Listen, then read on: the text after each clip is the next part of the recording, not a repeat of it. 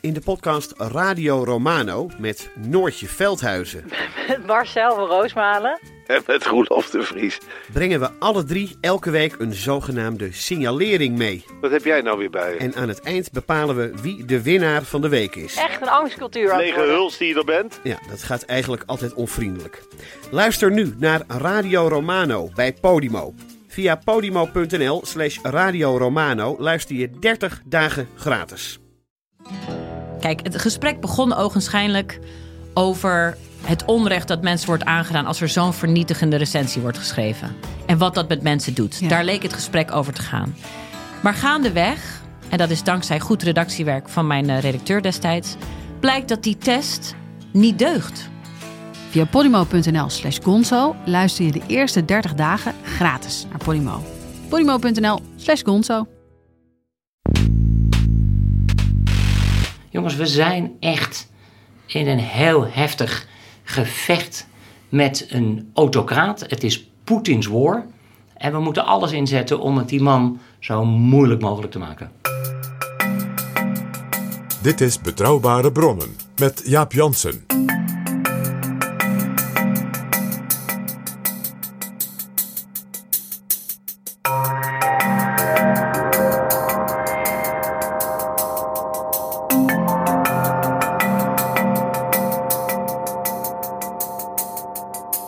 Hallo, welkom in Betrouwbare Bronnen, aflevering 254 en welkom ook PG. Dag Jaap. PG, we gaan het hebben over Oekraïne en over de Europese economie. Want we hebben een interessante gast. Iemand die verantwoordelijk is geweest bij de Wereldbank voor de opbouw van de economie van Oekraïne. En hij zat deze week aan tafel met de leiders van Europa, Macron, Scholz, von der Leyen en Michel. Welkom in Betrouwbare Bronnen, Frank Heemskerk. Leuk om hier te zijn als trouwe fan van jullie show. PG, voordat we met Frank Heemskerk gaan praten, willen we eerst even, zoals tegenwoordig gebruikelijk, de nieuwe vrienden van de show welkom heten. Ik vind dat altijd het leukste moment van de hele podcast, dat weet je. Weer vrienden. Ja, Mensen gaan nooit genoeg vrienden krijgen. Mensen die met een donatie eh, nog veel meer afleveringen van Betrouwbare Bronnen mogelijk maken. En wie zijn de nieuwe vrienden, PG? Dat zijn Beer en Jan, Wilma, Gillian, Siebren, Marcel, Freek en Martin. Wil jij ook vriend van de show worden? Ga dan naar vriendvandeshow.nl slash bb. Dit is Betrouwbare Bronnen. Nogmaals, welkom in Betrouwbare Bronnen, Frank Heemskerk. U bent trouwens ook staatssecretaris van Economische Zaken geweest in het vierde kabinet Balkenende. Wat was uw werk in dat kabinet? Ik deed zowel handel, buitenlandse handel, eh, maar ik had gelukkig ook een behoorlijke portefeuille in Nederland. Dus ik deed eh, ondernemerschap. Ik mocht de postmarkt openstellen op een sociale manier. Telecom, eh, ICT en samen met Jan Kees de Jager eh, ook regeldruk, administratieve lasten, percentages Is dat bijhouden. gelukt? Dat laatste? Die gekke methode om dat te meten en uit te drukken in percentages leidde ertoe dat er discipline was. Dus volgens mij is het daarna een stuk minder geworden. Ik vertelde al in de inleiding, u zat deze week aan tafel, aan de dinertafel met eh, Macron, Scholz, von der Leyen en Michel. En eh, dat deed u als secretaris-generaal van de European Round Table for Industry. Wat is dat? Ja, de European Roundtable is ooit opgericht eh, begin jaren 80. eh, onder andere door Wisse Dekker. en Toen de leider van Philips. Van Philips. en een, Per Gillehammer van Volvo. Eh, en dat was omdat zij zagen dat het niet goed ging met Europa. Eh, Europa had werkloosheid. Eh, er werd niet meer geïnvesteerd in Europa. En zij zeiden... Eurosclerose. Eurosclerose. Heten ze dat. Ja, en zij zeiden: het gaat alleen goed met ons als bedrijf als het goed gaat met Europa. Dus laten wij zorgen dat er weer groei komt, dat er investeringen zijn. En toen hebben ze bijvoorbeeld samen met Delors, die ten tijde toen eh, op het kantoor kwam van de ERT, eh, onder andere het plan geschreven voor de interne markt 1992. Dus dat komt daar vandaan, van de Ja. European Round Table. Onder andere met als idee: jongens, zorg ervoor dat wij economisch sterk worden. Want eh, dat is nodig, zo ook voor die, voor die bedrijven. Maar als mensen gelukkig zijn, een baan hebben, dan consumeren ze, investeren ze, sparen ze, studeren ze. En dat is uiteindelijk een eh, winnend model. Ja. In die tijd deden de Britten natuurlijk ook mee hè, in de roundtable. Nu ook. Wij zijn niet de EU Roundtable voor industrie. We zijn de European Roundtable. We hebben ook leden uit Nestlé, uit uh, Zwitserland. We hebben Sabanci uit uh, Turkije. We hebben uh, Hydro uit Noorwegen. Dus we zijn echt het Europese economie. Dus Oekraïne zou er ook bij kunnen, een, een vertegenwoordiger? Nou, het bedrijf moet wel onafhankelijk zijn. Uh, onafhankelijk van de overheid. Uh, het moet uh, goed bestuurd worden. Transparant zijn ook in zijn wijze waarop er uitgaven gedaan worden. Dus geen corruptieschandalen. het moet een omvang hebben van eigenlijk ja, 10, 20, 30 miljard. En we zijn actief op zoek naar bedrijven van die omvang en die status. En de CEO's die moeten het leuk vinden om lid te worden. Ja, want u nodigt mensen op individuele basis uit. Ja, je bent, het is een persoonlijk lidmaatschap. Het is wel gekoppeld aan je, aan je functie. Maar je moet of de voorzitter zijn van de Raad van Bestuur of van de Raad van Commissarissen. En er is een gouden regel en die is uh, three strikes and you're out. Als je drie keer achter elkaar de plenaire vergadering mist, dan verlies je lidmaatschap. Je krijgt na twee keer een waarschuwing. En ik weet ook dat ik, ik ben begonnen in 2019. Ik was als waarnemer in 2018 in Berlijn. En dan denk je, ja, wie zal er nou zijn? Maar 90% van alle voorzitters van de Raad van Bestuur, die zijn druk, zijn er gemiddeld. Jacob Wallenberg, hè, de voorzitter van het Wallenberg Investment Vehicle.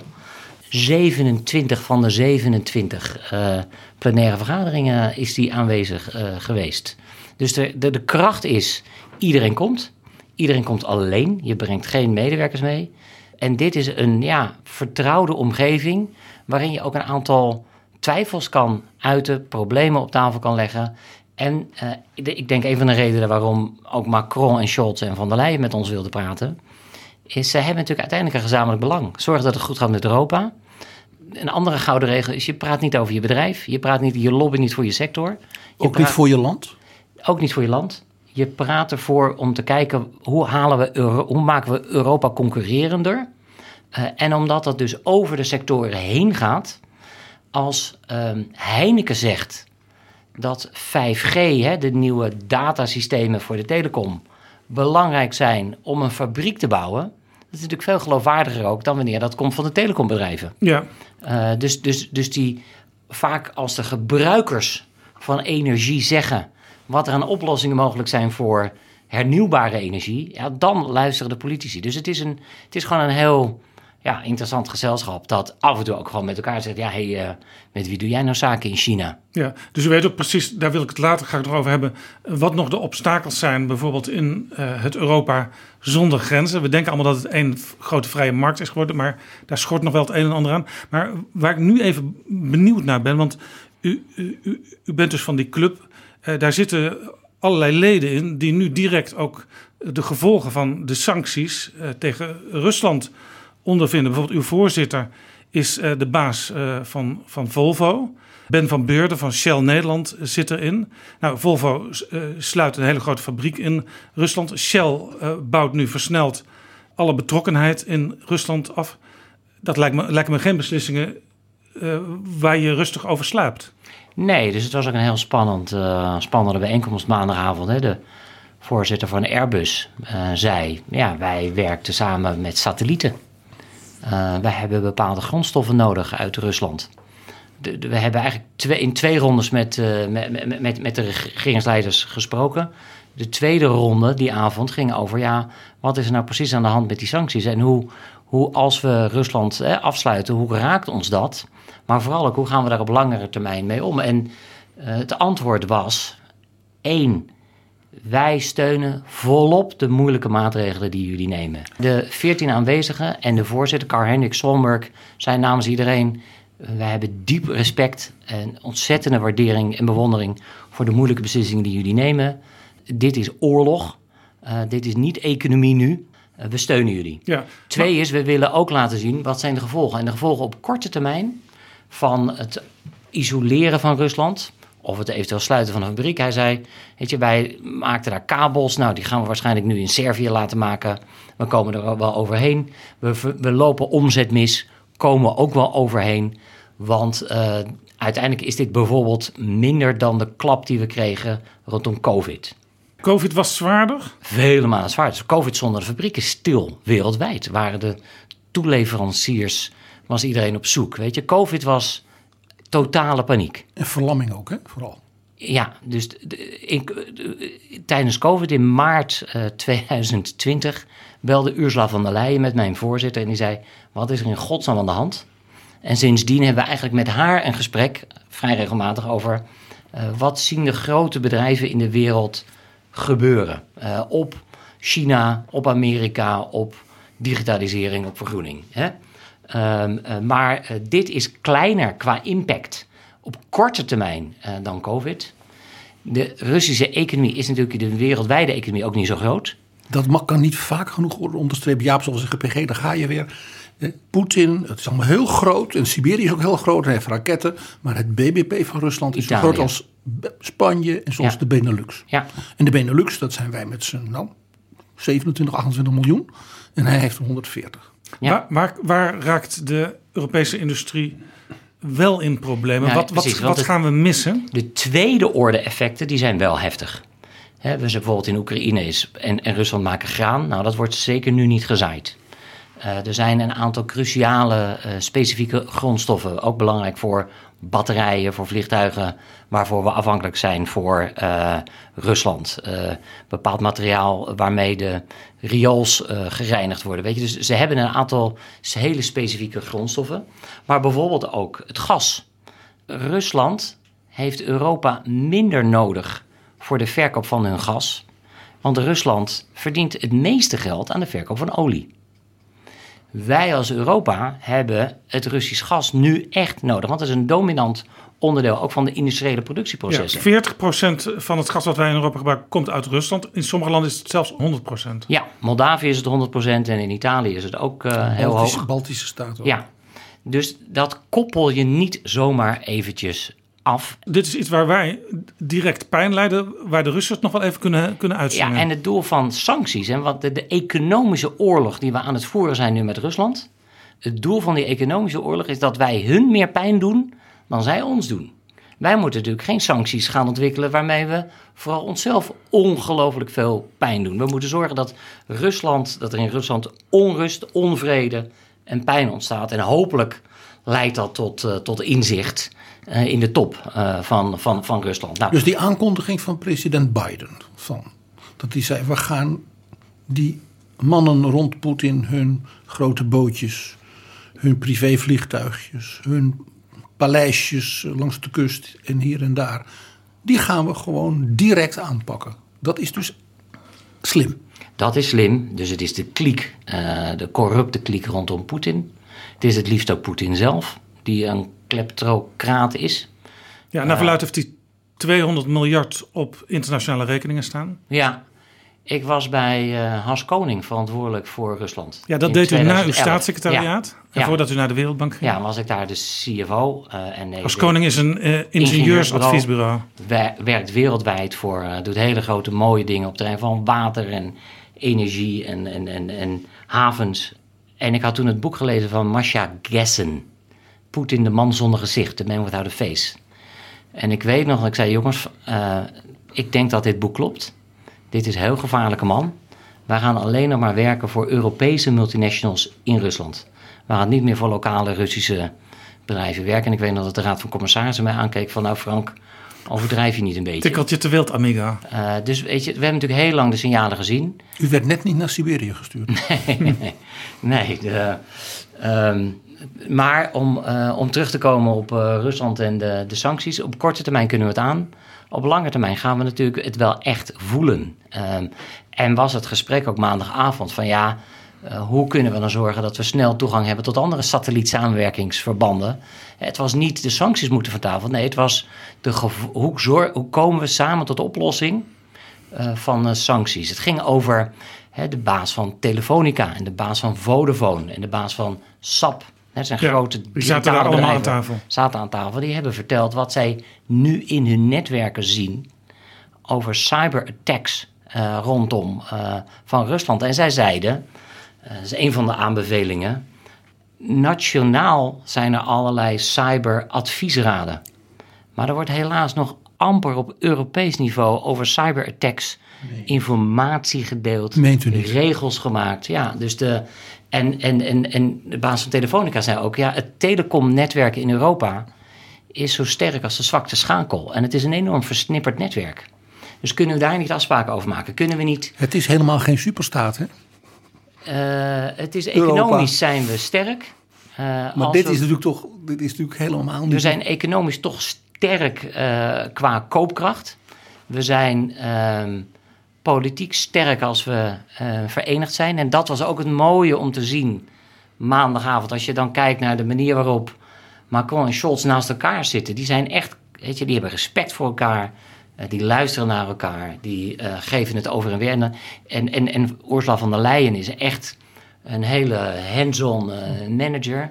U zat, dus in daar- u zat dus in feite bij het kernkabinet van Europa, zou je kunnen zeggen. Ja, en ik zat daar toch ook een beetje te kijken als, als, als, als, als burger van Europa. En ik dacht, ik, eh, voel ik me nou een beetje veilig met die drie aan het roer? En het antwoord is volmondig ja. Ja, u zou ook andere namen hebben kunnen bedenken... waar u misschien toch iets meer buikpijn had gehad. Nou ja, of stel je voor in godsnaam dat Trump nu nog in het Witte Huis zou Ja. zitten. zeg. Maar even, Of Gerhard Schreuder de kanselier was. die bedrijven kijken nu allemaal eh, wat voor alternatieven er zijn om de, om de voorraden op tijd nog te hebben en zo. Eh, zou het kunnen zijn dat China zich op dit moment in de handen wrijft? Want een aantal van die dingen die kunnen we in China bestellen. Ja, maar er is uitgebreid gesproken ook over China. En de kern van China is dat China uiteindelijk alles doet wat goed is voor China. China is een team en dat speelt het spel China. Het is gewoon een, een groot bedrijf is het. Ja, ehm, ehm, maar die kijken gewoon ook heel erg naar hun eigen belang. Maar Rusland is afhankelijk van China. Bijvoorbeeld, hè, Peter Wenning vertelde, dat is de baas van ASML. eh, Rusland maakt amper chips, semiconductors. Die importeren ze uit China. Nou, die hebben ze ook nodig voor hun eh, militaire eh, goederen. Ehm, dus je ziet dat er Rusland afhankelijkheden ontstaan.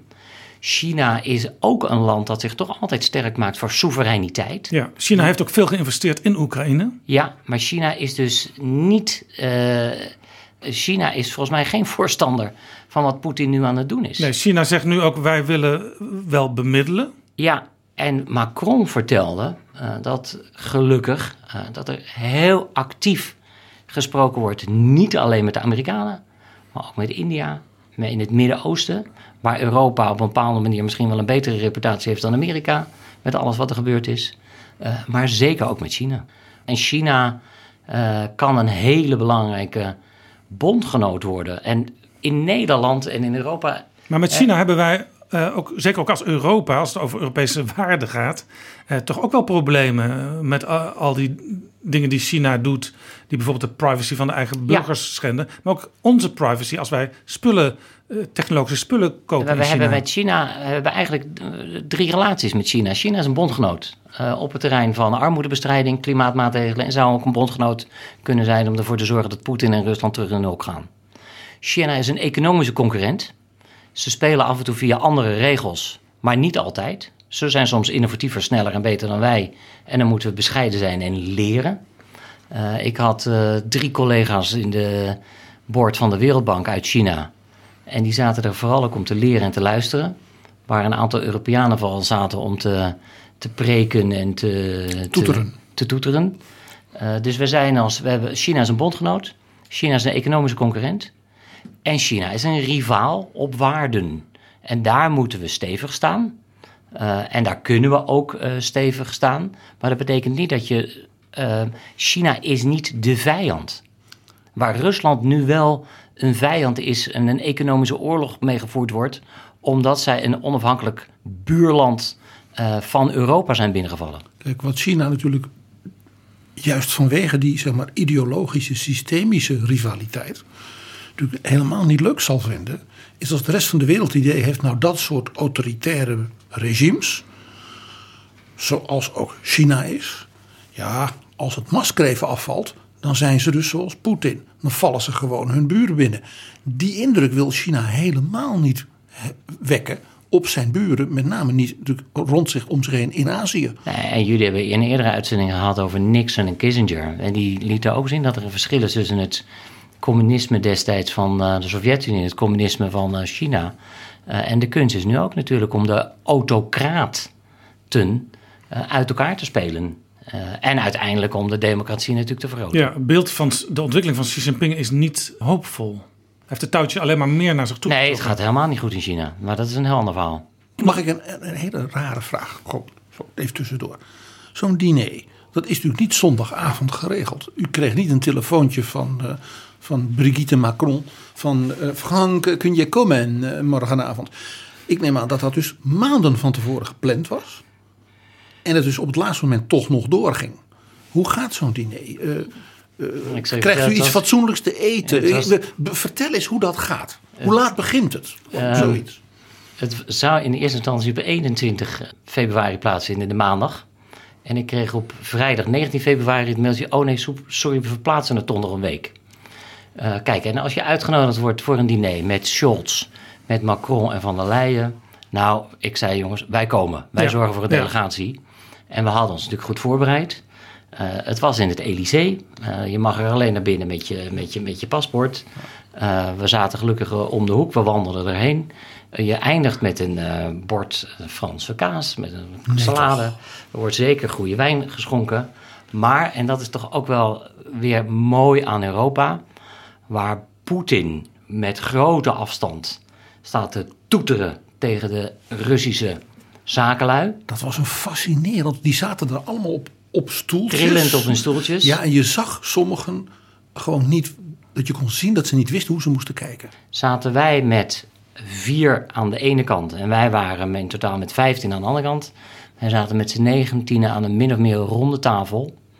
Uh, en er werd oprecht naar elkaar geluisterd. Die waarschijnlijk ongeveer even lang was als die tafel van Poetin. Maar nu zat hij was gewoon op elke, kleiner. op elke plek zat Nee, hij was kleiner. Uh, dus de... Nee, en, het, en, dat ging in, ging, er werd hard gewerkt in die zin van... iedereen was goed voorbereid, wist wat hij wilde vertellen... en wist wat hij wilde vragen. Uh, maar ja, ik, ik, ik zat er zeg maar als Europees burger werd ik er... Uh, ik was er trots op hoe, hoe dat Hoe lang gaat. duurde die bijeenkomst? Uh, we zijn begonnen om kwart voor zeven en we gingen om half tien weg. Dus het was Ja. ook nog lang. En er zit En, en moest, niemand op eh, zijn telefoon. Moest, ja, dat wou ik vragen. Moesten Macron van, van der Leyen, Scholz Nee. en Michel... moesten af en toe weg om even Nee, te bellen? Van der Leyen moest ietsje eerder weg, want die nam de laatste trein, niet het vliegtuig, Naar Brussel? terug naar Brussel. Wat ook veel handiger is dan een vliegtuig. Groene Europese maar, Commissie. eh, ook, ook, ja, als het brutale vragen zijn, dan zegt u het maar. Eh, had Macron zijn, zeg maar, zijn Jacques Attali bij zich? Dus zo'n Ja, er rechterhand? Eén rechterhand aan tafel. Uh, Een Sherpa dus? Ja, zijn hoofd, uh, zijn chefstaf. Ja. Dus daar heb ik snel nog even kaartjes mee uitgewisseld. Dat is heel verstandig. Ja. Ja. Da daarom was het al nuttig dat u er was, hè? Ja. Alleen al dat ene momentje. Ja, maar toch is Macron, en ja, dat is dan ook wel weer vlijend. Uh, weet je, de- hij geeft iedereen een hand.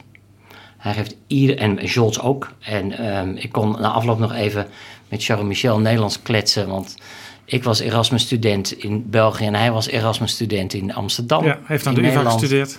Eh, en- hij heeft in de Belgische pers, toen hij premier werd, werd hem gevraagd: Heeft u daar nou nog goede herinneringen aan, aan Amsterdam toen? Zei hij: Als je in Amsterdam hebt gestudeerd, heb je daar geen herinneringen meer aan, dankzij de coffeeshops.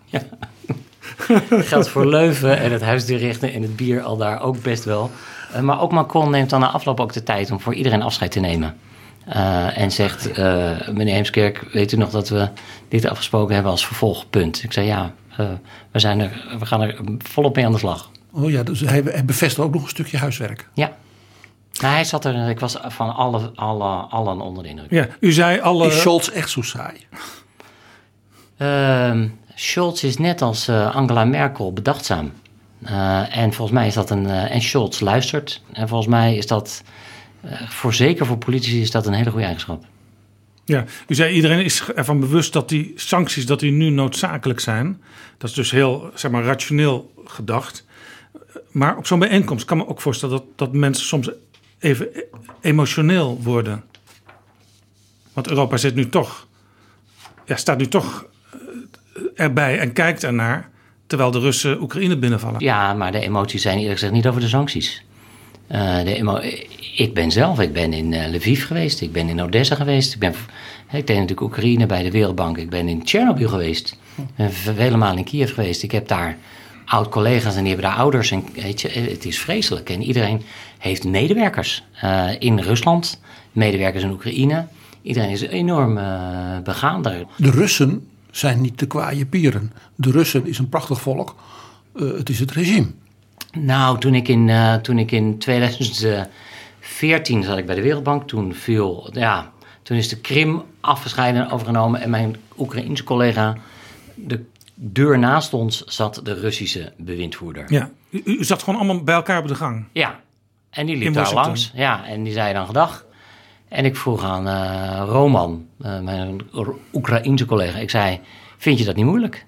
En hij zei, ja Frank, maar je moet echt een verschil maken tussen Rusland en Russen en tussen Poetin en tussen je collega.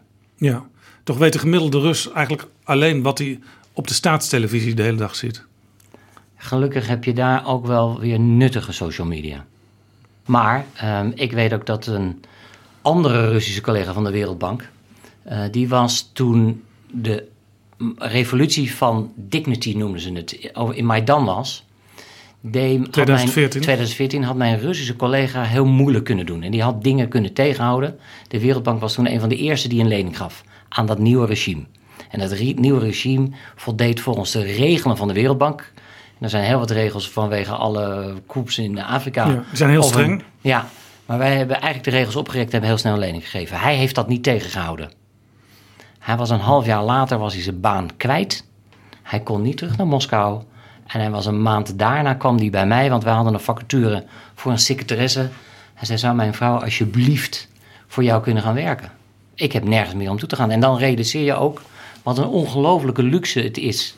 Ik mocht, hè, Jeroen Dijsselbloem als minister van Financiën, ach, ik kon zeggen wat ik wilde. En als ik, ehm, eh, ehm, als ik meerdere keren in Nederlandse kranten gezegd had, dit kabinet deugt niks, ze maken er een potje van, dan hadden ze op een gegeven moment gezegd, Heemskerk, ga jij eens wat anders doen. Maar dan vind je wel weer een baan.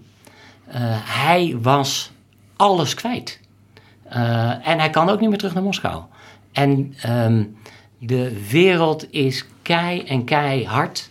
En het kunnen geven van je mening is een ongelofelijke luxe en groot goed. Ja, nog even over eh, Nederlandse bedrijven in eh, Rusland. Eh, een aantal hebben al besloten daar te vertrekken. Maar het zijn ook bedrijven die dat nog niet hebben gedaan. Ik, ik noem Philips, ik noem Heineken, ik noem ING. Zit dat er uiteindelijk wel in? Is het gewoon zo dat geen enkel bedrijf op de oude manier door kan gaan nu?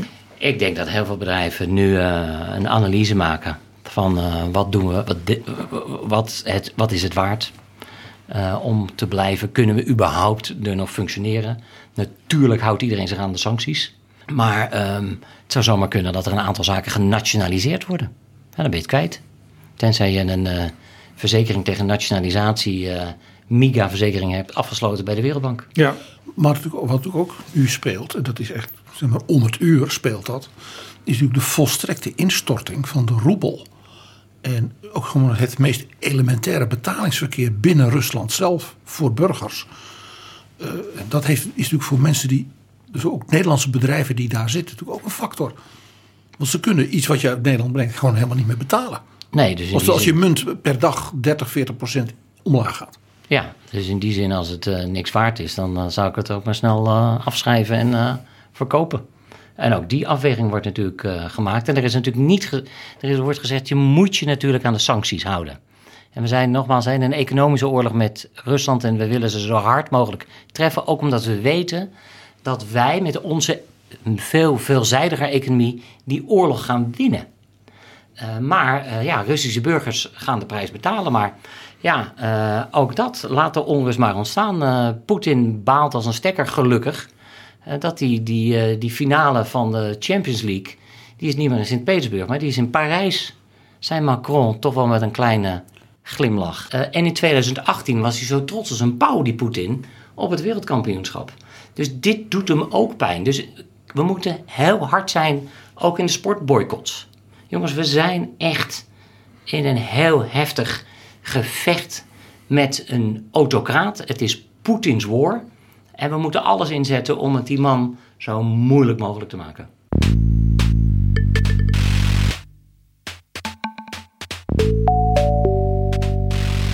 dit was een diner in Parijs deze week.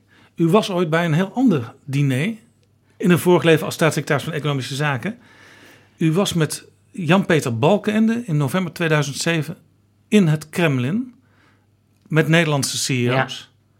En u dineerde ook daar uh, samen met Balkenende met Vladimir Poetin. Ja. Hoe was dat? Hoe ging dat? Ja, en Lavrov zat al aan tafel.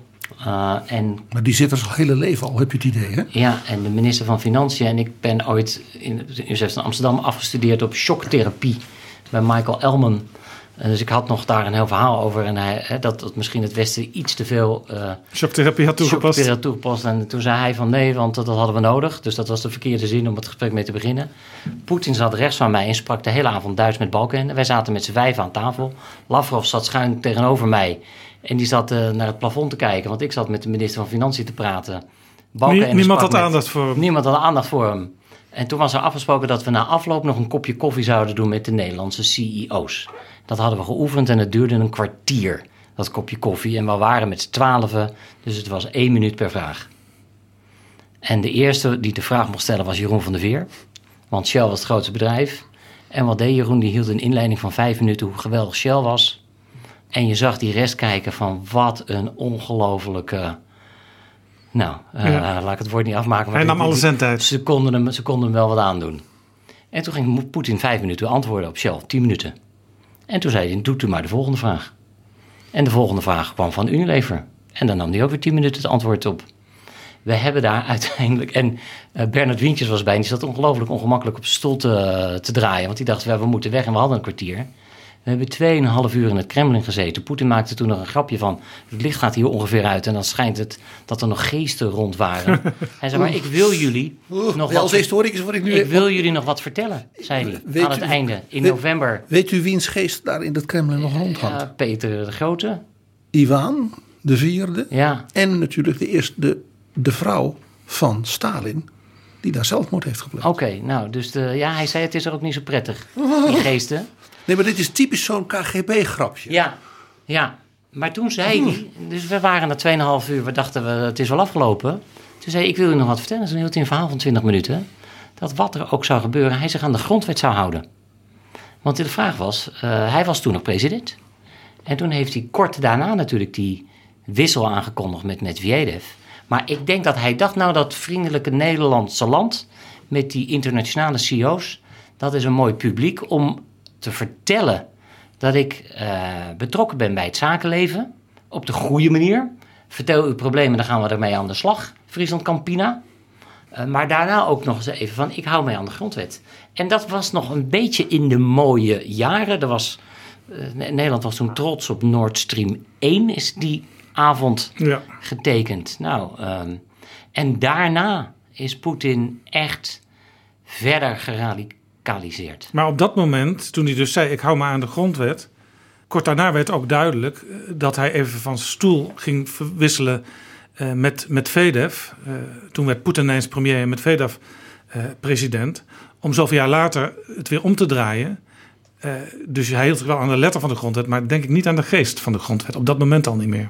Nee, dus hij had wel een slimme uitweg, maar hij kon zeggen: ik hou me aan de grondwet.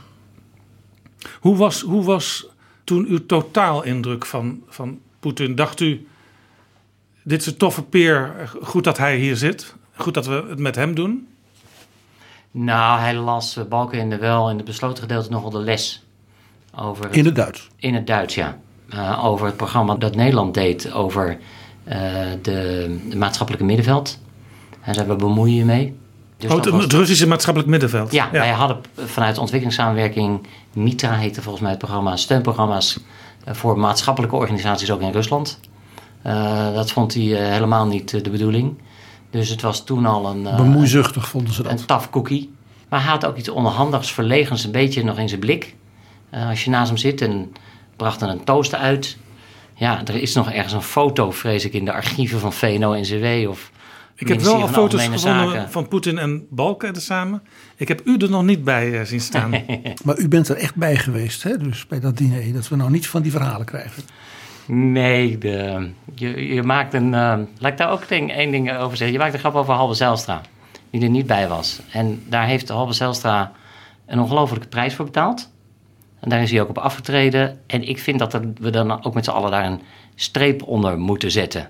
Ik had het mooi gevonden als Halbe Zijlstra eh, mijn op, eh, eh, hierna de, ook de bewind voor de, Wereldbank was. Ja, want hij was, geweest. hij was even kandidaat. Althans, Ja, Rutte wilde hem voordragen. op- nee, nee, nee. Hij heeft erop gesolliciteerd. En dat was, eh, ehm, maar dat is, dat is niet geworden. En ik denk dat dat heel jammer is voor de Wereldbank. En ja, weet je. Hier is, nou- hier is de Nederlandse nou politiek te hard geweest. Ach, we zijn zo, we zijn zo makkelijk dan altijd met. Ik, PG, ik geef jou niet de schuld hoor. Maar het is in Nederland altijd heel leuk om dan nog grapjes te blijven maken over iemand die een fout heeft gemaakt en die er gewoon zelf op afgetreden is. Dat is niet goed. Overigens- de prijs betaald. U noemt nu Halbe Zijlstra, die dus niet uw opvolger werd. Eh, u stond zelf in, in een rijtje met veel mensen die we allemaal kennen, zoals eh Eveline Herfkens, die heeft uw, uw Ja. functie gehad voordat u het werd. Ad Melkert, Herman Wijfels. Dus dat was ongeveer het niveau waarop u binnenkwam destijds bij de Wereldbank. Ja, het, mijn vader zei ook zo, zoon, dat is een indrukwekkend rijtje waar je opeens tussen staat. Wat, wat, wat niet iedereen weet. Hoe kan dat nou? Ja, ja dat, dat is, eh, de, de, de, de, de wegen des heren zijn ondoorgrondelijk, zei mijn, zei mijn moeder altijd. Bij dit soort dingen. Eh, wat natuurlijk zo grappig is, want dat weet, weet niet iedereen, is dat als je dan zeg maar, voor Nederland daar zit, dat je dan als het ware een, een soort, ook een- meteen een soort belangenbehartiger bent hoe- van allerlei andere Ja. landen. Vaak wat kleinere economieën, wat minder hoog ontwikkelde economieën. Waarvan men het idee heeft, Nederland kan wel met die mensen. Nou, het is, het is een groot goed. Kijk, je, je hebt twee verantwoordelijkheden. Je zit er om ervoor te zorgen dat de bank goed bestuurd wordt. Dus ik was voorzitter van de auditcommittee daar. En we keken of de derivatenposities klopt en hoe de funding van de bank werd georganiseerd. Dat Ja, er zijn, er zijn toezichthouder. 24 eh, bewindvoerders. Ja, dat dus is het bestuur toezicht. bestaat uit 24 mensen. Ja, dat is gewoon toezicht houden op het dagelijks bestuur van de bank. Je vergaderde twee keer met de raad van bestuur. Twee keer per week. Maar daarnaast heb je, geloof ik, 168 aandeelhouders. Nou, dat zijn de landen. En die worden vertegenwoordigd ook door die 24 bewindvoerders. En het mooie van Nederland is dat wij een gemengde kiesgroep hebben. Waarbij Nederland een donor is. Eh, maar ook een aantal landen zitten die geld lenen van de Wereldbank. Dus als Oekraïne onderhandelingen voerde met de Wereldbank, zat ik naast de minister van Financiën moest ik hem helpen eh, welke voorwaarden volgens mij te halen waren, wat niet en wat misschien een effectieve manier was en hoe hij eh, prioriteiten zou, Maar u, zou u zat dus naast de minister van Financiën van Oekraïne. Ja. Maar vaak zat de Nederlandse minister van Financiën er ook, want die was dan een van de donors. Als de Nederlandse minister van Financiën eh, op bezoek kwam bij Washington, dan zat ik naast Jeroen Dijsselbloem en dan spraken we. En die had dan vaak weer het blik vanuit een donor van jullie moeten dit meer doen en we moeten meer aan in fragiele staten. Maar ehm, het is echt een verschil of je vertelt wat je moet doen en hoe anderen moeten hervormen. Of dat je aan de kant van de hervormen zit. Je moet die hervormingen in je eigen land doorvoeren. Dus u, En- dus u had soms ook wel eh, misschien wel last van die strenge Nederlanders. Eh, u noemt Jeroen Dijsselbloem. Daarna was ook nog even in uw periode Wopke Hoekstra. Dat is de soepelheid zelf, dat weet je. Nou, ik heb dus met Hoekstra een hele ongemakkelijke vergadering meegemaakt. eh, met de vicepremier Kubiv van eh, Oekraïne. Waarbij Hoekstra het nodig vond om Kubiv de les te lezen. Eh, en ja, ik zat toen maar erg, ik zat toen eh, aan het hoofd van de tafel. Want die twee zaten tegenover elkaar mannetjes te wezen. Eh, en ik voelde me daar eh, ongemakkelijk bij. Want volgens mij, en dat was ongeveer de eerste keer dat Hoekstra Kubiv sprak. Ja, dat is niet de meest effectieve manier om iets voor elkaar te krijgen. Ehm, het was over de minister van Financiën die toen was afgetreden. Nee, ja, dus dat, ja, het interessante van de Nederlandse kiesgroep was dat je dus die, dat je beide kanten zag. Eh, maar ook dat je qua frozen conflicts. Cyprus is lid van de Nederlandse kiesgroep. Gezellig. Israël en de Palestijnse gebieden. We hebben Moldavië Die met zitten, Transnistrië. er, die zitten er alle twee in. Moldavië zit erin. Moldavië, nee, dus Israël zit erin. En de Palestijn- Cyprus zit erin. Palestijnse gebieden zijn geen lid van de Wereldbank, want het, zijn geen, het is formeel geen land bij de. Verenigde Naties. Ja. Eh, maar als De een- Palestijnse entiteit. maar dat, ja, eh, maar Moldavië met Transnistrië, eh, Georgië met Abhazie. Eh, ehm, nee, dus er waren de, de Oekraïne met Krim, Azerbeidzjan met Azerbeidzjan Armenië. met Nagorno-Karabakh. Eh, dus Op- Armenië zat bij de Nederlandse kiesgroep. een Dus ik was een expert Optelsom van, van- van, van, van, toestanden. van fragiele en frozen conflicts. Ja, ja. En, en toen u begon bij de Wereldbank, zat eh, daar in Oekraïne nog eh, president Yanukovych. Ja, Die via die opstand op het eh, Ma- Maidanplein, het onafhankelijkheidsplein, uiteindelijk de vlucht nam eh, in 2014 naar Rusland. Toen kwam er een overgangsregering. Dus u heeft dat, dat hele sleutelmoment voor dat land meegemaakt. De vrouw van mijn Oekraïense collega had een appartement. En die zat nog, die zat, zij, zijn vrouw en hun zoon zat nog in Oekraïne bij ongeveer aan het Maidanplein. Ik zei, je moet er nu naartoe en ga erop halen. Uh, toen zijn we heel snel daarna er geweest. Het is ongelooflijk indrukwekkend, maar ook heel beangstigend wat er is gebeurd met scherpschutters die tegen um, de, de, de, de Kubevas, later vicepremier, was toen tijdelijk even de president van de, van de centrale bank. En dat was een soort uitvalsplek uh, voor verzet. Uh, ze hadden helmen op, ze gooiden met bakstenen en ze hadden scherpschutters tegenover zich, omdat zij wilden bij Europa horen en niet afhankelijk zijn van Poetin in 2014. En dat laten we niet vergeten, de toenmalige chef, Janukovic, had al door gezegd: ja, dat met Europa, dat gaan we uitonderhandelen. Daar komen we uit, dan gaan we iets heel moois doen en dat gaan we dan tekenen. En toen is hij blijkbaar zo onder druk gezet dat hij dus ineens zei: nou, ik doe het niet. Nee, en toen kwam het associatieverdrag uiteindelijk wel. En over ongemakkelijke momenten gesproken.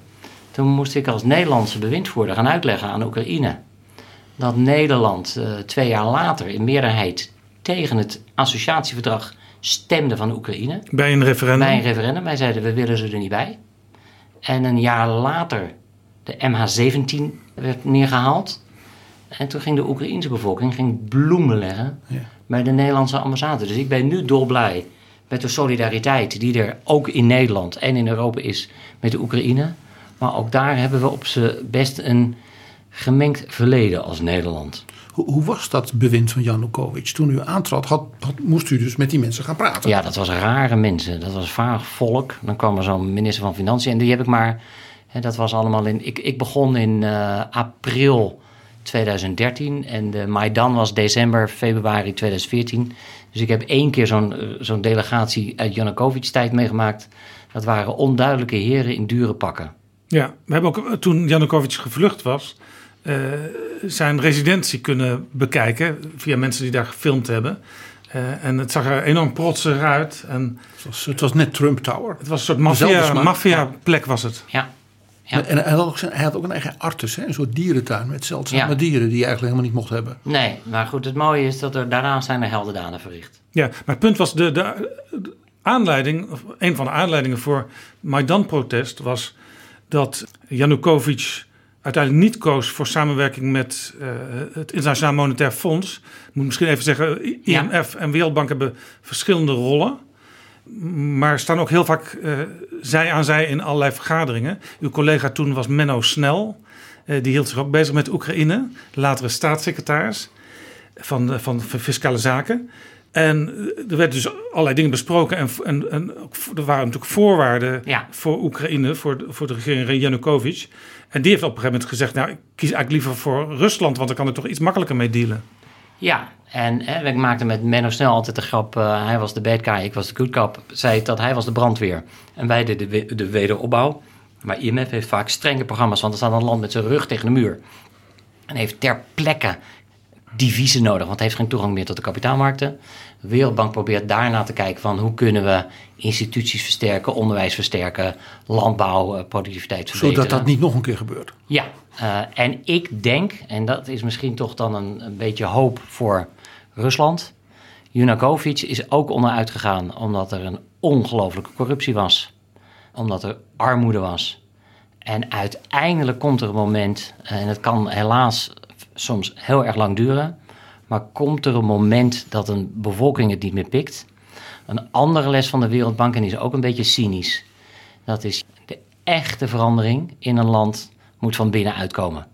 Je kunt het dus van buitenaf aantrekkelijk maken om dingen te veranderen met leningen en steun. Je kunt druk uitoefenen via uh, economische maatregelen of tegen sancties.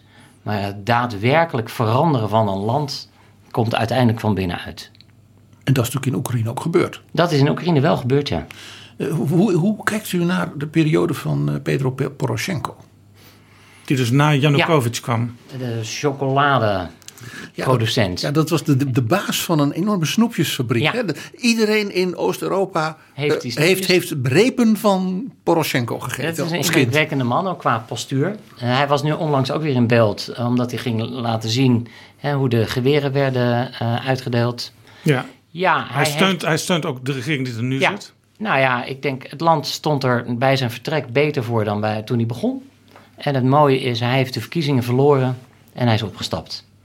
Eh, dus dan heeft hij toch twee dingen heel belangrijk goed gedaan. Ja, dat, dat is zeker eh, in zo'n situatie eh, waar je respect voor moet hebben. Ja.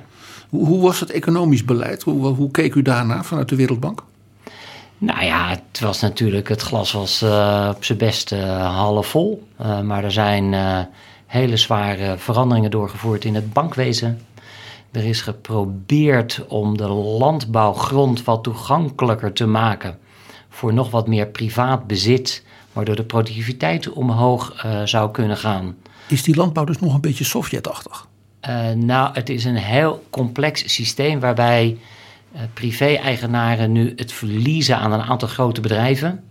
Maar ze zijn als de dood dat als ze de landbouwgrond echt zeg maar privatiseren, dat het totaal in buitenlandse handen komt. En dat het op een oneigenlijke manier eh, verkocht wordt. Maar er zat bijvoorbeeld ook een hele dapper, er was een hele dappere president van de centrale bank. Eh, die was daar hele heftige eh, hervormingen door aan het voeren. En die heeft een bank onteigend van zo'n oligarch. En zij vond op een gegeven moment een pop in haar parkeergarage. Eh, en, eh, eh, en zij zei, weet je, en ja, dat was als dreigement. En zij, ik vroeg wel eens aan hoe kunnen we je verder nog helpen? En ze zei, nou, bijvoorbeeld door ervoor te zorgen dat al dat geld dat verdwijnt via Oostenrijk en via Letland was het volgens mij. zet daar nou eens die sluizen dicht. Maar dan gaf, helaas gaf Europa had nogal een vinger naar Oekraïne. Je moet corruptie bestrijden. Eh, maar keek ten aanzien van de geldstromen te veel weg. Dus wat wij nu doen als Europa, eh, namelijk eh, bijvoorbeeld dat SWIFT afsluiten voor Rusland, dat doen we nu heel relatief snel. Ja, Eh, we hadden toen dat soort maatregelen op kleinere schaal. te, we hebben te weinig gedaan. ook moeten We hebben in de jaren te weinig gedaan aan eh, fraudebestrijding en eh, belastingontwijking. Ja, dat, dat is gewoon de, onszelf, Europa, Ja. Europese Ja, Unielanden we te hadden veel meer kunnen doen. Ja, Nou ja, van Wenen weten we natuurlijk al eeuwen. Eh, eh, dat dat altijd een warme band had met eh, zeg maar de zeer vermogenden in Oost-Europa. En zeker ook in Rusland en dergelijke. Dus dat, ja, dat is een beetje heel vreemd. maar als het al eeuwen zo is, betekent het niet dat het al eeuwen goed is. Nee, maar dan is het een soort ingesleten patroon. Ja, dus, maar dat moeten we veranderen. Poetin kwam al op de trouwerij van de minister van ja, Buitenlandse Zaken van Wenen. Maar we moeten dus niet meten met twee maten. Op dit moment willen de Wereldbank en het IMF samen hulp bieden. Er wordt gewerkt aan een pakket van 4,4 miljard dollar, denk ik, aan hulp.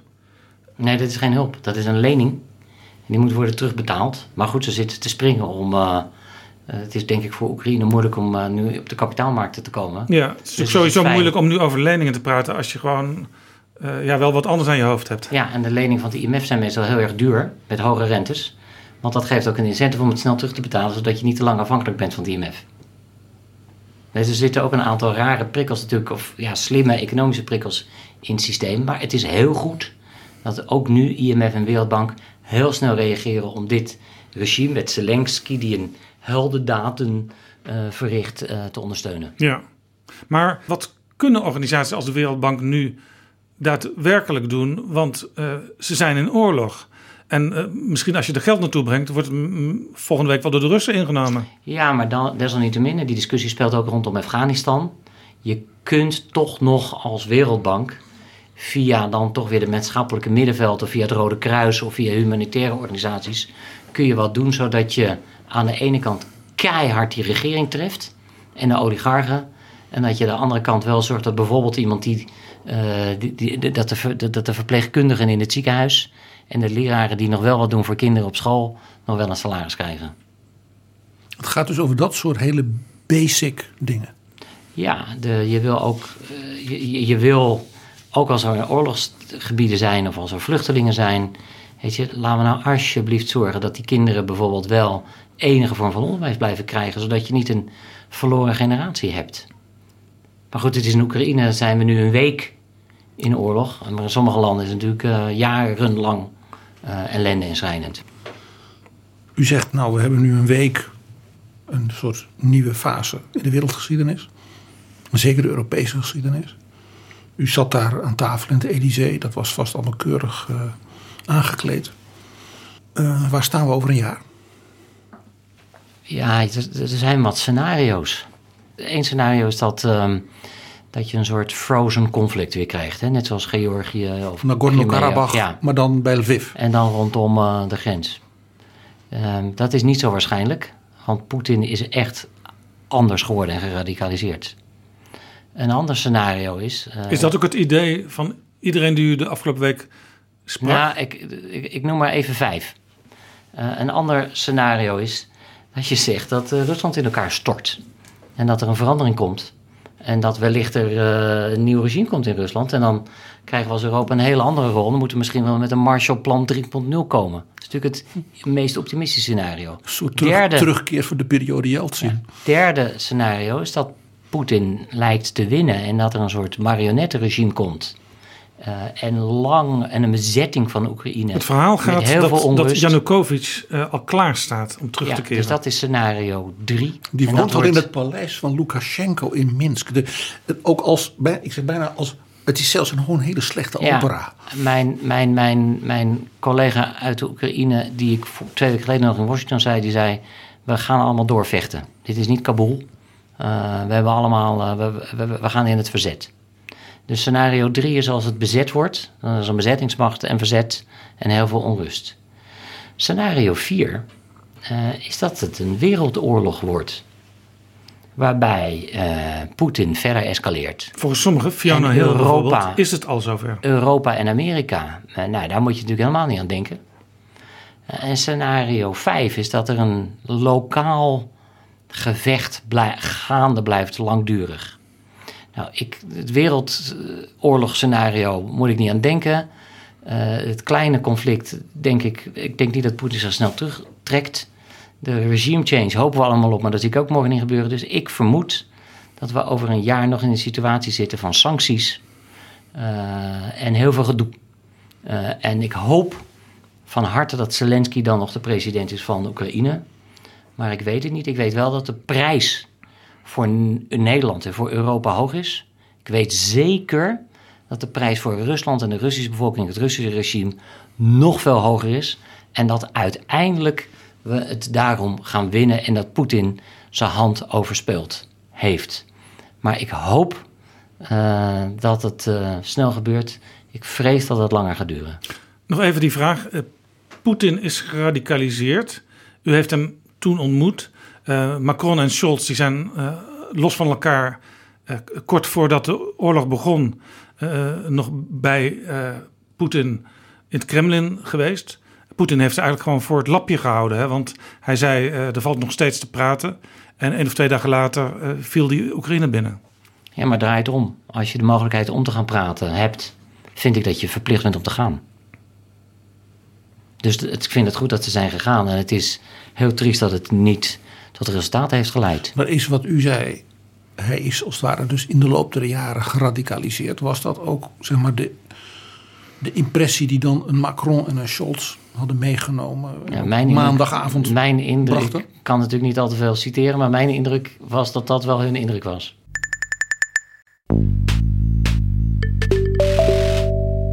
Dit is Betrouwbare Bronnen, een podcast met betrouwbare bronnen. Frank Heemskerk, uw, belangrijkste uh, functie van, van dit moment is secretaris-generaal van de European Round Table. De, de grote industrieën, al die CEO's die daar regelmatig bij elkaar komen. Laten we even weggaan van, van het slagveld en terugkeren naar uh, ons eigen Europa. Hoe staat de Europese economie ervoor? En dan bedoel ik niet precies uh, vandaag, maar ook al de, afgelopen jaren en wat is, zijn de vooruitzichten voor de, voor de komende jaren? Je hoort soms mensen zeggen dat groei niet goed is. Maar ik denk dat groei uh, wel goed is. Want dan vergroot je niet alleen de koek. En vaak wordt het andere koek. En het moet meer duurzame koek worden. Maar het is makkelijker om het ook dan met z'n allen te verdelen. En als je kijkt hoe de groei is geweest in Europa ten opzichte van Amerika. zijn we in de afgelopen jaren niet alleen het Verenigd Koninkrijk verloren als economisch aandeel, uh, maar waar wij 1 à 2 procent groeiden, groeide Amerika 2 à 3 procent. En dan kan je denken, nou ja, ach, wat is een procent? Maar dat telt op en dat telt door. Met alle banen en investeringen die erbij hoort. De relatieve achterstand. Dus we moeten groeien. En maar maar um, uh, ja, hoe, hoe, hoe, komt dat? Want uh, wij horen toch altijd met zeg maar, Europeanen met wie wij spreken. Ja, Europa is natuurlijk wel wat anders dan de Verenigde Staten. Heeft, heeft bepaalde waarden die je zeker in de Amerikaanse economie niet overal terugziet. U zegt ja, ze doen het wel veel beter economisch, want er is daar hogere groei en dat, dat, telt op. Wat, wat, wat moeten wij dan doen om meer groei te krijgen, maar toch op een Europese manier verantwoord te kunnen doen? Er is te weinig waardecreatie in Europa geweest. Er was een heel mooi stuk in The Economist en die stelde de vraag, en iedereen die in Amerika wel eens koffie heeft gedronken, die denkt, hoe, en ze hebben vreselijke vieze filterkoffie van die grote bakken. Hoe kan het in godsnaam zo zijn dat Starbucks uit Amerika is uitgegroeid tot het beste koffiebedrijf van de wereld? Dat had een Italiaanse barista moeten zijn.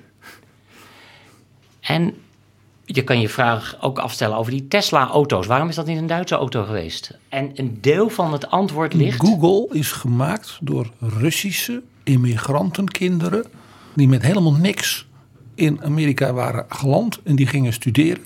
En die waren slim en die waren ondernemend. Die gingen Google maken. Ja. En niet in Europa. Spotify is in Zweden ontstaan en is vervolgens naar Amerika gegaan omdat ze daar konden groeien en kapitaal konden aantrekken. En wij hebben dus een aantal dingen niet goed geregeld. De interne markt in Europa is zo versnipperd dat het moeilijk is voor grote bedrijven om op te schalen of voor kleine bedrijven om groot te worden. Het beeld bij veel mensen is uh, als de Europese Unie één ding goed heeft gedaan, dan is het die interne markt creëren. Uh, want dat is uh, de hemel voor het bedrijfsleven. Wij hebben als European Roundtable net een rapport uitgebracht over de interne markt. En er is een heel mooi voorbeeld van Niels Andersen, dat is de voorzitter van de Raad van Bestuur van Axo Nobel, de verfmaker. Het lukt in Europa niet om één potje witte verf in 27 lidstaten te verkopen. Hoe kan dat? Want de, de regels van, van Europa door de Europese Commissie gemaakt zijn toch overal moet een leesbaar etiket op staan. Dan weet iedereen wat erin zit en dat kun je dan overal verkopen. Nee, dus de consumentenvoorlichting is toch anders per land. Uh, de veiligheidsregels zijn anders per land. En je zou willen dat iedere consument goed wordt voorgelicht. Iedere schilder beschermd wordt als hij schildert. En dat alle verf duurzaam geproduceerd wordt. Het lukt niet. Is een beetje het verhaal ook van die opladers, hè? een ander voorbeeld. Uh, Volvo Trucks, die willen vrachtwagens maken. En die zeggen, die zijn zo schoon en zo stil. Maar kunnen we nou alsjeblieft met één vrachtwagen in heel Europa alle oude binnensteden bezorgen? Lukt niet. Dus wij hebben op het terrein van zelfs producten hebben nog steeds te maken van met, met versnippering. En dat is ook nogmaals een bedreiging voor de kleinere bedrijven, want die kunnen dan ook niet op schalen.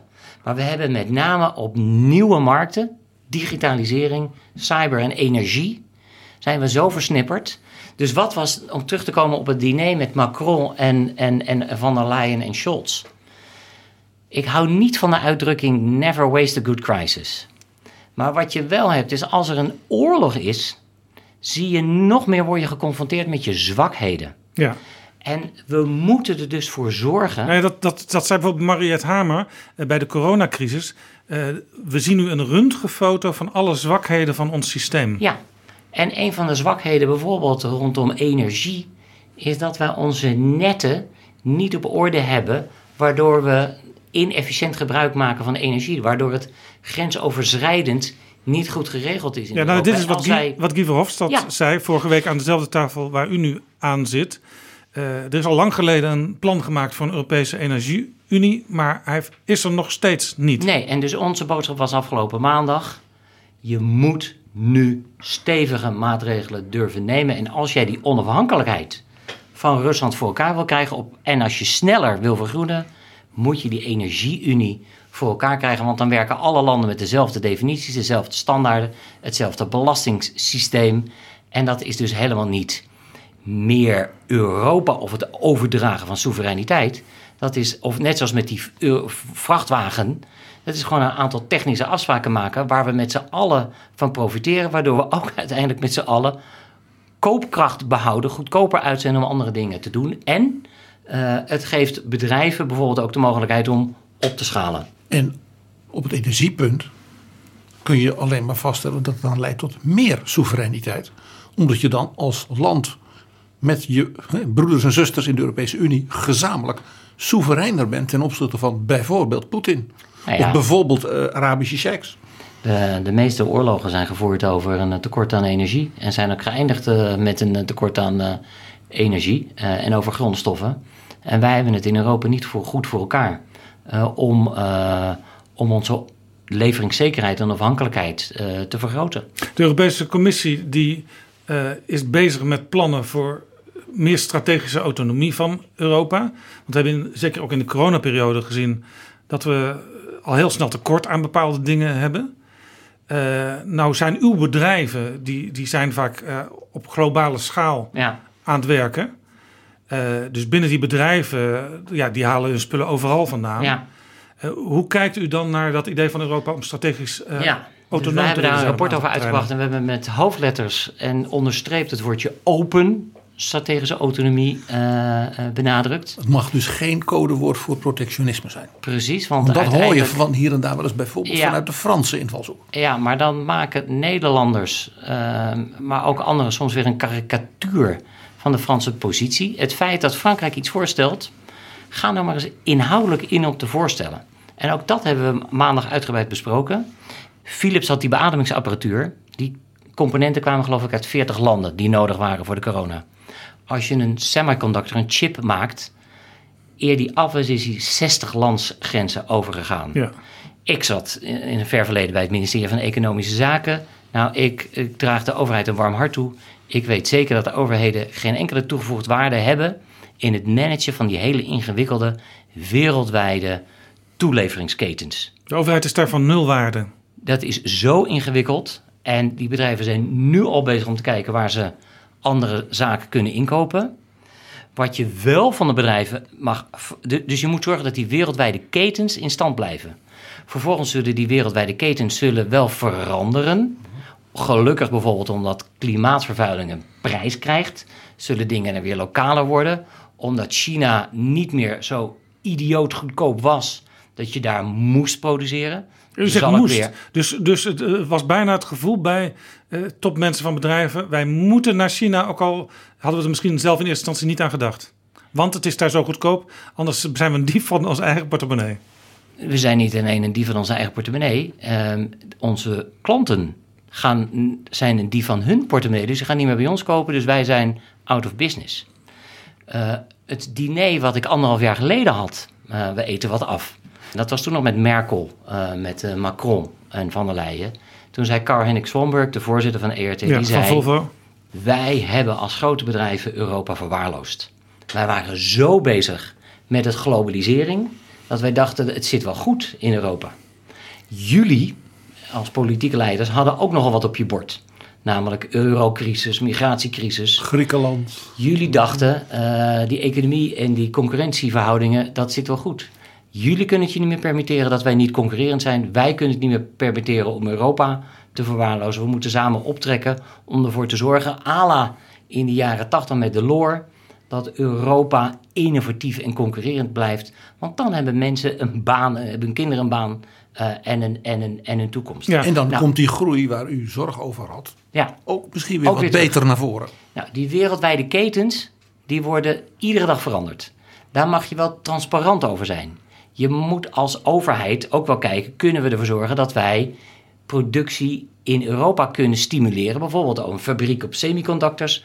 Die bouw je niet 1, 2, 3. Je moet zorgen dat er een ecosysteem met universiteiten en studenten en ondernemers en start-ups eh, ontstaat. Daar kan je wel op sturen. Daar moet je industriepolitiek eh, op doen. Maar dat is een hele nieuwe manier van denken over industriepolitiek. Als je Ja. zegt industriepolitiek betekent, dan heb ik een heleboel hele goede mbo'ers nodig. En heel veel meisjes die techniek leuk vinden. En ik heb hele artistiek creatieve eh, mensen van kunstopleiding nodig. En universiteiten. Ik heb ook allemaal nodig. Ik sprak, allemaal industriepolitiek. ik sprak de hoogste ambtenaar eh, op eh, ondernemerschap op het ministerie van Economische Zaken. En die zei, ik doe aan industriepolitiek. En de industriepolitiek begint in Brussel. Want daar wordt wel strategisch nagedacht. Eh, en die probeert dat natuurlijk nu ook in eh, Nederland te geesten, daar wat meer voor, eh, voor rijp te maken. Maar om nog even terug te gaan naar die wereldwijde ketens. Dus je moet zorgen dat je open bent, dat je strategisch bent, maar dat je ook autonoom bent en dat je dus wel je eigen keuzes hebt. Dus dat je niet afhankelijkheden hebt, dat je kunt diversificeren. Dat als Europa standaarden heeft, dat je die ook probeert af te dwingen. Dat je als je handelsverdragen sluit met andere landen, dat je niet alleen zegt wij zijn open, komt er maar binnen. Nee, je moet er ook wat voor terugvragen. Reciprociteit. Dus dat is die open strategische autonomie. En ja, het waren de Fransen die als eerste met dat voorstel kwamen. Maar ik denk dat daar hele goede elementen in zitten, mits het die drie woorden uh, samen zijn. En wat je van de bedrijven mag vragen, en daar ben ik eigenlijk ook best wel trots op dat de leden van de ERT dat hebben gezegd, is wees bijvoorbeeld ook transparant wat je in je keten doet op het terrein van klimaat, maar ook op het terrein van mensenrechten. Ja. En dan komen we terug op China, want wij zijn ook een rivaal met China, omdat wij andere normen hebben over gedwongen arbeid, uh, uh, mensenrechten. het maakt de dialoog. En de, en de Europese bedrijven zeiden: kom maar met Europese wetgeving. We hebben namelijk liever een Europese wet dan 27 of 23 of 21 verschillende nationale wetten. Waarbij je dan ook nog het gevaar loopt dat in die landen men goldplating gaat doen en weer specifieke uitzonderingen. Ja, maar voor dat product dan weer niet. En dan kom je dus weer in die versplintering. Tweede, het is versplinterd. Het tweede is dat heel veel van die bedrijven zeggen: wij zijn toch al transparant over wat we doen, want wij wegen wereldwijd, dus we hebben wereldwijde standaarden. Maar het derde is: het is toch ietsje makkelijker de discussie te voeren in China. Niet alleen omdat je het zelf vindt maar ook omdat je zegt, it's the law. Het staat in de wet. Uh, en daarom wil ik precies weten wat er gebeurt met de Oeigoeren in die provincie. Uh, dus je mag en je moet duidelijk zijn naar, je, naar de samenleving. Uh, wat er in die wereldwijde ketens ja. gebeurt. Maar, maar dat is voor bedrijven heel lastig. Hè? Het, het, is er vaak al. Ja, u bent zelf staatssecretaris Buitenlands Handel geweest. Het is zelfs al lastig vaak als je op bezoek bent met het bedrijfsleven in een land. om dan ook nog even dat momentje voor die mensenrechten aan de orde te stellen? Nee, uh, in, tegendeel. Uh, Maxime Verhagen vo, uh, volgde mij op. Uh, die deed handel in dat vreselijke kabinet Rutte 1. En toen kwam ik hem tegen. Toen zei hij, hey Frank. En hij was minister van Buitenlandse Zaken. Hij zegt, het is met die handelsportefeuille... Hij zei, het is veel makkelijker om over mensenrechten te praten. Want dan zeg je tegen die landen, tegen die regering... als u mee wilt doen aan de wereldwijde economie moeten zorgen dat de arbeidsrechten goed op orde zijn en de arbeidsomstandigheden. Uh, dus in die zin uh, kun je uh, via handel, en als er handel gedreven wordt, staan er meestal minder soldaten aan de grens. Dus je kunt juist ook de handelsportefeuille gebruiken om een aantal standaarden waar we wereldwijd over afgesproken hebben dat we ze goed vinden in, in moeilijke landen uh, afdwingen. Ja. Mevrouw von der Leyen was heel recent op bezoek in Nederland met premier Rutte bij ASML. Toen dacht ik dat is geen toeval. Want?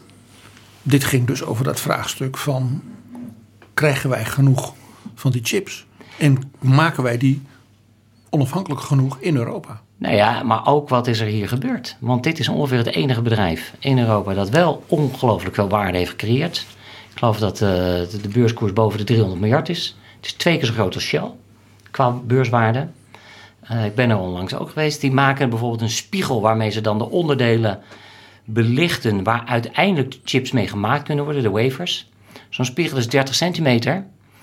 Die is zo glad dat als je hem opblaast tot de grootte van Duitsland, is de grootste berg, de grootste onevenwichtigheid, 1 millimeter. Het zijn fascinerende innovaties die plaatsvinden in het bedrijfsleven. En, die komt, en niemand die dat en komt. die komt onder andere uit ruimtevaart en de astronomie. Ja, en, de allernieuwste sterrenkijkers die zijn dus gebaseerd op die technologie. En uit Oost-Duitsland, Zeiss, Carl Zeiss. Fascinerend. En dat is natuurlijk, er gebeurt in, uh, en dat, is, dat, dat vind ik een van de leukste onderdelen van mijn werk. Er gebeuren zoveel nieuwe dingen op het terrein van duurzaamheid. Michelin is bezig met uh, banden waar geen lucht meer in zit, want die gaan langer mee. Nog even, u had het straks over industriepolitiek. In Brussel zijn ze bezig met Europese industriepolitiek. In Nederland is dat heel lang taboe geweest. Hè? Want we hebben natuurlijk eh, ooit de RSV-enquête gehad in de jaren 80. Dat ging toen over het, het eindeloos steunen eh, van een scheepsbouwer en van allerlei dingen daaromheen. Rijn, Schelde, Verolmen. En toen is er gezegd, de, de overheid moet zich eigenlijk nooit meer eh, op die manier met de industrie bemoeien. U zegt, ik hoorde u net zeggen, er moet wel degelijk industriepolitiek gevoerd worden. Ja, maar de vraag is vervolgens dan wel welke instrumenten je daar neer moet zetten. En bijvoorbeeld ehm, subsidies zijn niet altijd even effectief. Hè? De subsidie van de een is de belasting van de ander. Scholz zei maandag, eh, ja, jullie bedrijven, eh, we, kunnen, we moeten kijken hoe we via de regelgeving private investeringen kunnen, eh, kunnen uitlokken. Met eventueel een publieke component erin. Maar ik wil niet te veel subsidie betalen, want eigenlijk, jullie moeten geen geld ontvangen. Jullie moeten geld betalen. Jullie zijn degene die de belastingkist, die de schatkist vullen. Hier hoorde je toch weer de oud-minister van Financiën, Olaf Scholz. Terecht, terecht. Je kan, maar je kan eh, industriepolitiek voeren via wet en regelgeving, je, eh, via geboden en eh, verboden. Je kan fiscale maatregelen nemen, je kan slimme allianties doen, je kan privaat geld uitlokken door er publieke garantie op te plakken. Nou, daar wordt heel innovatief op heel veel plekken over in de wereld over nagedacht. En ik zou tegen Nederland zeggen, spring op die trein en denk en doe mee. Ja, en dan, u bent natuurlijk ook nog in in uw privéleven eh, sociaaldemocraat. U zat voor de Partij van de Arbeid in de Tweede Kamer. U was ook door de PvdA afgevaardigd naar dat kabinet als staatssecretaris. Dan hebben we het niet over zaken als eh, doe een beetje soepel met die dividendbelasting. je moet zorgen. Nou ja, die dividendbelasting. eh, ik vind het vreselijk dat Unilever en Shell hun hoofdkantoor verplaatst hebben naar het Verenigd Koninkrijk. Ze zijn overigens ook uit de Europese Unie eh, vertrokken. Ik vind het nog erger dat, eh, dat heel veel mensen dat blijkbaar niet erg vinden. Eh, het nadeel daarvan is, is dat je zegt, ja, op korte termijn blijft Shell misschien doen wat ze deden. Maar er is een, in goed Nederlands, een home country bias. Hoofdkantoren bepalen uiteindelijk waar de onderzoek en ontwikkeling plaatsvindt. En dat gebeurt veel vaker in het land waar het hoofdkantoor staat. Dus dit gaat ons op lange termijn banen en innovatie kosten. En ik geloof dat Nick-Jan Kesteren zei... wij hebben dit ook met z'n allen verknald. We hebben dit als polder niet goed gedaan. We hadden een totaal pakket moeten maken... waarbij bijvoorbeeld ook Unilever en Shell gezegd zouden hebben... wij gaan een aantal dingen extra doen. We doen een aantal dingen rondom lastenverlichting. Nou, daar zit dan wellicht ook de dividendbelasting in. We zitten een aantal dingen rondom research and development Dus u denkt daar ook minder, u denkt daar ook minder zwart-wit over dan, dan bijvoorbeeld de Partij van de Arbeid nu.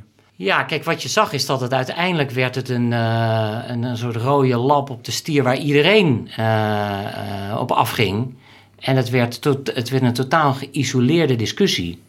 En de kunst is natuurlijk is om, om een breder pakket te maken en een breder beeld te schetsen. En het is een opgave, denk ik, voor de multinationals om ervoor te zorgen dat je de steun hebt en krijgt ook van de samenleving. En dan volgen meestal de politici wel. Eh, politici zijn niet altijd leidend. Die zijn vaak ook vertolken die het gevoel in de samenleving.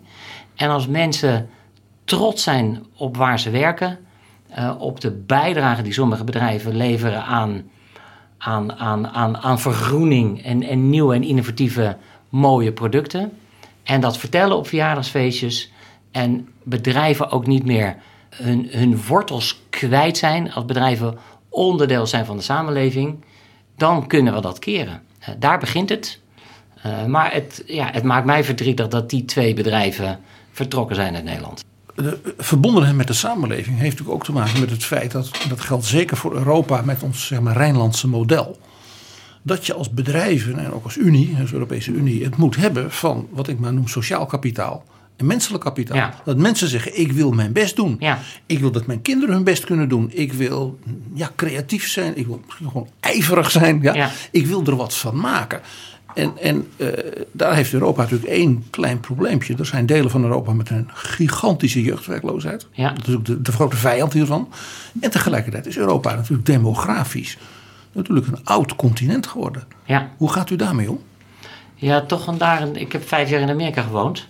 Eh, en als je kijkt naar welk. En ik heb voor de Wereldbank veel over de wereld gereisd. Als je kijkt naar het continent. waar gemiddeld de meeste mensen het beste hebben. qua werk, qua inkomen, qua vooruitgang. is dat Europa.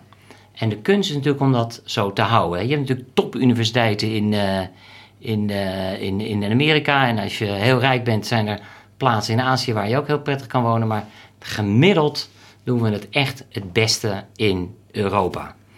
De Wereldbank had vroeger de Doing Business Ranking. Welk land doet het het beste? En ze hebben daar aan toegevoegd de Human Capital Index. Kun je laten zien hoe er geïnvesteerd wordt in gezondheidszorg en opleidingen, in kansen en in ongelijkheid. Uh, en daar ligt de grote opgave.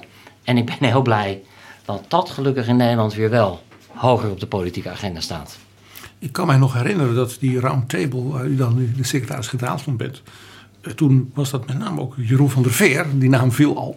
Dat hij bij Barroso eh, heel sterk eh, agendeerde van we moeten ervoor zorgen dat jonge mensen in Europa, zeker ook vrouwen, het leuk vinden om in technologie en grensgebieden tussen technologie en zorg en wat dan niet, veel meer dingen gaan doen. En gaan op, in opleidingen en bijspijkeren en wat dan niet.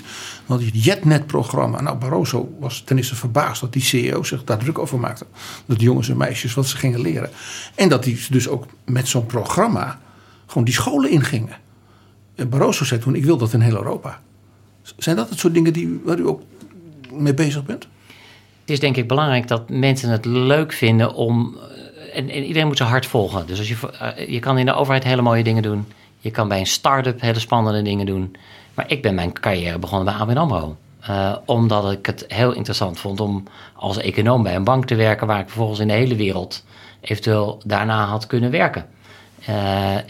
Iedereen vond het in mijn tijd als econ- afgestudeerde econoom interessant om bij een multinational te gaan werken. Want je kreeg een mooie opleiding en je kon eventueel een internationale carrière doen. Dus ook in die zin is het interessant als er eh, mogelijkheden zijn eh, om, om je, dat je niet alleen naar het ministerie van Buitenlandse Zaken hoeft als je, als je de wereld eh, over wil als, als, als werkgever.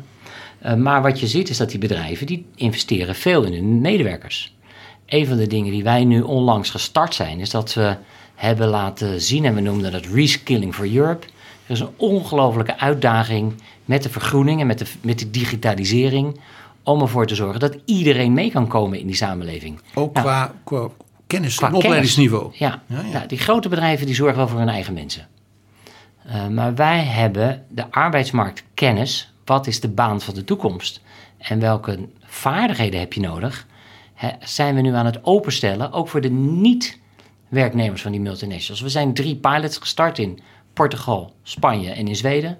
En ehm, ik hoop dat eh, meer landen daaraan eh, aan mee gaan doen, omdat dat uiteindelijk een methodologie is eh, om ja, iedereen klaar te maken voor de uitdagingen voor de toekomst. En heel, heel veel mensen zoals ik gaan met ongelooflijk veel plezier naar hun werk. En werk is leuk. Maar bij het leven lang ontwikkelen plan wat Nederland nu moet gaan maken, Ja. zou als daar eh, men moet zeggen van eh, leuk voor eh, Zweden en Portugal, maar dit moet ook in Nederland. Ja, en het is gewoon interessant om te horen waar een bedrijf als Siemens denkt. eh, dat de economie over tien jaar behoefte aan heeft. En natuurlijk kunnen die het ook niet helemaal voorspellen. Maar soms wel net iets beter dan, ehm, dan een gemeentelijke ambtenaar eh, die, een, eh, die de opleidingsinstituut eh, moet vormgeven. We gaan naar het eind van het gesprek. U geeft ook les aan de Universiteit Leiden. In welk vak? Ja, dat heet Geoeconomics. Wat is dat? Dat wist ik eerlijk gezegd ook niet toen ik het ging geven. Jaap Scheffer had me ervoor gevraagd. Ik heb het Want, want die, die doseert ook in Leiden? Ja, ook in Leiden. Eh, en het is een keuzemodule. En ik probeer studenten uit Leiden, Rotterdam en Delft eh, te laten zien hoe economische instrumenten gebruikt kunnen worden voor geopolitieke doelstellingen. Even iets scherper, misschien wel eh, gerelateerd aan dingen die we al besproken hebben. In Ja, dit, eh, dus wanneer wa- zijn sancties effectief? Eh, en sancties zie je vaak dat die ingezet worden als negatief instrument. Maar je, het is natuurlijk veel handiger om positieve instrumenten in te zetten. Handelsverdragen, samenwerkingsovereenkomsten, eh, het creëren van ehm, de Bretton Woods instellingen, eh, het Erasmus-programma. Marshallplan, Erasmus-programma. eh, eh, zet die allemaal in en hoe pakken die dan uit? En helaas zie je soms dat de economen de neus ophalen voor de politiek. Want die denken, eh, economie is het enige wat telt. Je ziet helaas ook wel dat sommige politici of op ministeries van Buitenlandse Zaken, om Hillary Clinton te citeren, die hebben de veel te weinig verstand van de reële economie, wat er in het bedrijfsleven eh, aan de hand is. Eh, en ik probeer te laten zien wat zit er allemaal in die gereedschapkist. U slaat eigenlijk de brug voor die studenten al tussen het bedrijfsleven, de economie en het publieke. Ja, en ik, ja, eigenlijk is dat een soort rode draad in wat ik allemaal heb mogen doen. Het is ongelooflijk actueel, ook nu weer, met uh, wat er aan de hand is met uh, Rusland. Ik gebruik een boek van Robert Gates, uh, Symphony of Power. dat is nogal een havik, de oud-minister van, van Defensie, maar ook CIA. Hij, hij werkte onder Bush. hij is... Obama heeft gevraagd om, hem, om te blijven. Wat leert u van hem, van, van Robert Gates? Hij zegt, Amerika was militair zo superieur... dat we alleen maar soldaten stuurden. Soldaten kunnen heel goed schieten en kunnen zorgen dat er niet meer geschoten wordt, maar kunnen geen land opbouwen. Wij moeten veel meer als Amerika doen aan ontwikkelingssamenwerking. Wij moeten als Amerika veel meer doen aan klimaatontwikkeling. Dat zegt een rechtse houdegen. En daarom is dat zo'n leuk boek om te behandelen. Hij noemt als een, als een soort glanzend voorbeeld van iemand die dat wel deed. Die zei: Je moet dus een, ook een heel ander verhaal brengen. Naast de power ook de kant. Noemt hij notabene Charlie Wick, die vriend van Ronald Reagan, die de baas werd van de voorlichtingsdienst van de Amerikaanse regering. En ik heb een tijdje geleden in Betrouwbare Bronnen het verhaal verteld over mijn uitgebreide gesprek met hem.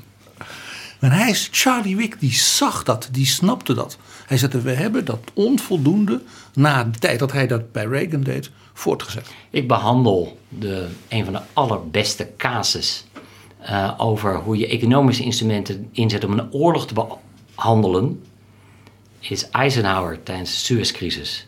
Die zei tegen de Engelsen en de, en de Fransen: als jullie dit gaan doen en als jullie die oorlog doorzetten, was het Suezkanaal was genationaliseerd uh, door Nasser. Die zei in de week van zijn herverkiezing voor zijn tweede termijn, zei Eisenhower: dit is geen, uh, dit, dit is nationalisme, dit is niet de islam die het verkeerd doet. Pas op dat je de islam niet van je vervreemdt. En hij zei tegen de Engelsen: ik maak jullie economisch kapot. Ik zorg ervoor dat jullie geen geld meer kunnen lenen bij het IMF. Je hebt geen toegang meer tot de kapitaalmarkt. En ik zorg dat het Britse pond keldert als je hiermee doorgaat. En toen trok het Verenigd Koninkrijk de troepen terug. Dus je kunt, het boek wat we ook behandelen is War by Other Means. Je kunt met economische instrumenten, als je ze goed inzet, een oorlog winnen. En laten we hopen uh, dat dat gebeurt. En de manier waarop, eerlijk gezegd, afgelopen maandag Macron, Scholz en Van der Leyen erbij zaten, nou, gaf mij als uh, Europese inwoner wel moed dat er uh, hele verstandige mensen aan het roer zitten. En dank u wel, Frank Hemskerk, dat u hierover in Betrouwbare Bronnen kwam vertellen.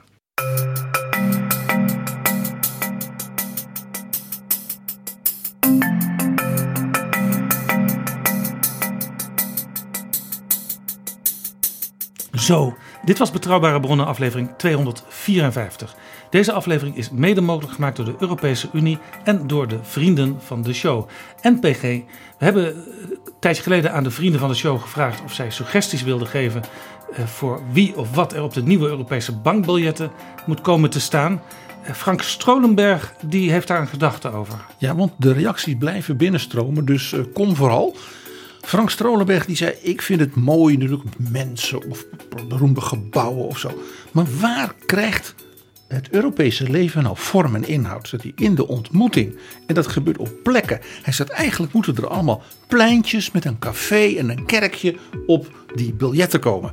En toen dacht ik: Dat is een geweldig idee. Maar dan zou je bijvoorbeeld zeggen: Het kerkje en het plein in Maastricht. En in Schengen en in Dublin. En niet, eens, niet eens die hele bekende pleinen, zou ik maar zeggen. Maar van die plekken waar men in Europa nou, met elkaar... Pleinen, wel echt geen nep dingen zoals die bruggen nu, die er nu op staan. Geen Disney-pleinen. Maar plekken waar je zegt van ja, daar in die stad of in dat dorp heeft men Europa gemaakt. En dat pleintje, dat zetten we erop. Ja, dankjewel Frank Strolenberg voor die suggestie. Misschien toch nog even aan Frank Heemskerk. Als we nieuwe Europese bankbiljetten krijgen. De president van de Europese Centraal Bank heeft al gevraagd aan de burgers van wat moeten we daar opzetten. Heeft u daar nog gedachten bij? Nou, inderdaad, een tafel op een plein. Met, uh, gevuld met uh, een goed glas en een maaltijd. Uh, dat is bijvoorbeeld ook wat je in Amerika mist. Daar zijn geen leuke terrassen. Die zijn, dat is wat Europa is. De cultuur en het gesprek. Nogmaals dank Frank Heemskerk en dank ook vriend Frank Strolenberg. Tot volgende keer. Betrouwbare bronnen wordt gemaakt door Jaap Jansen in samenwerking met dag en nacht.nl.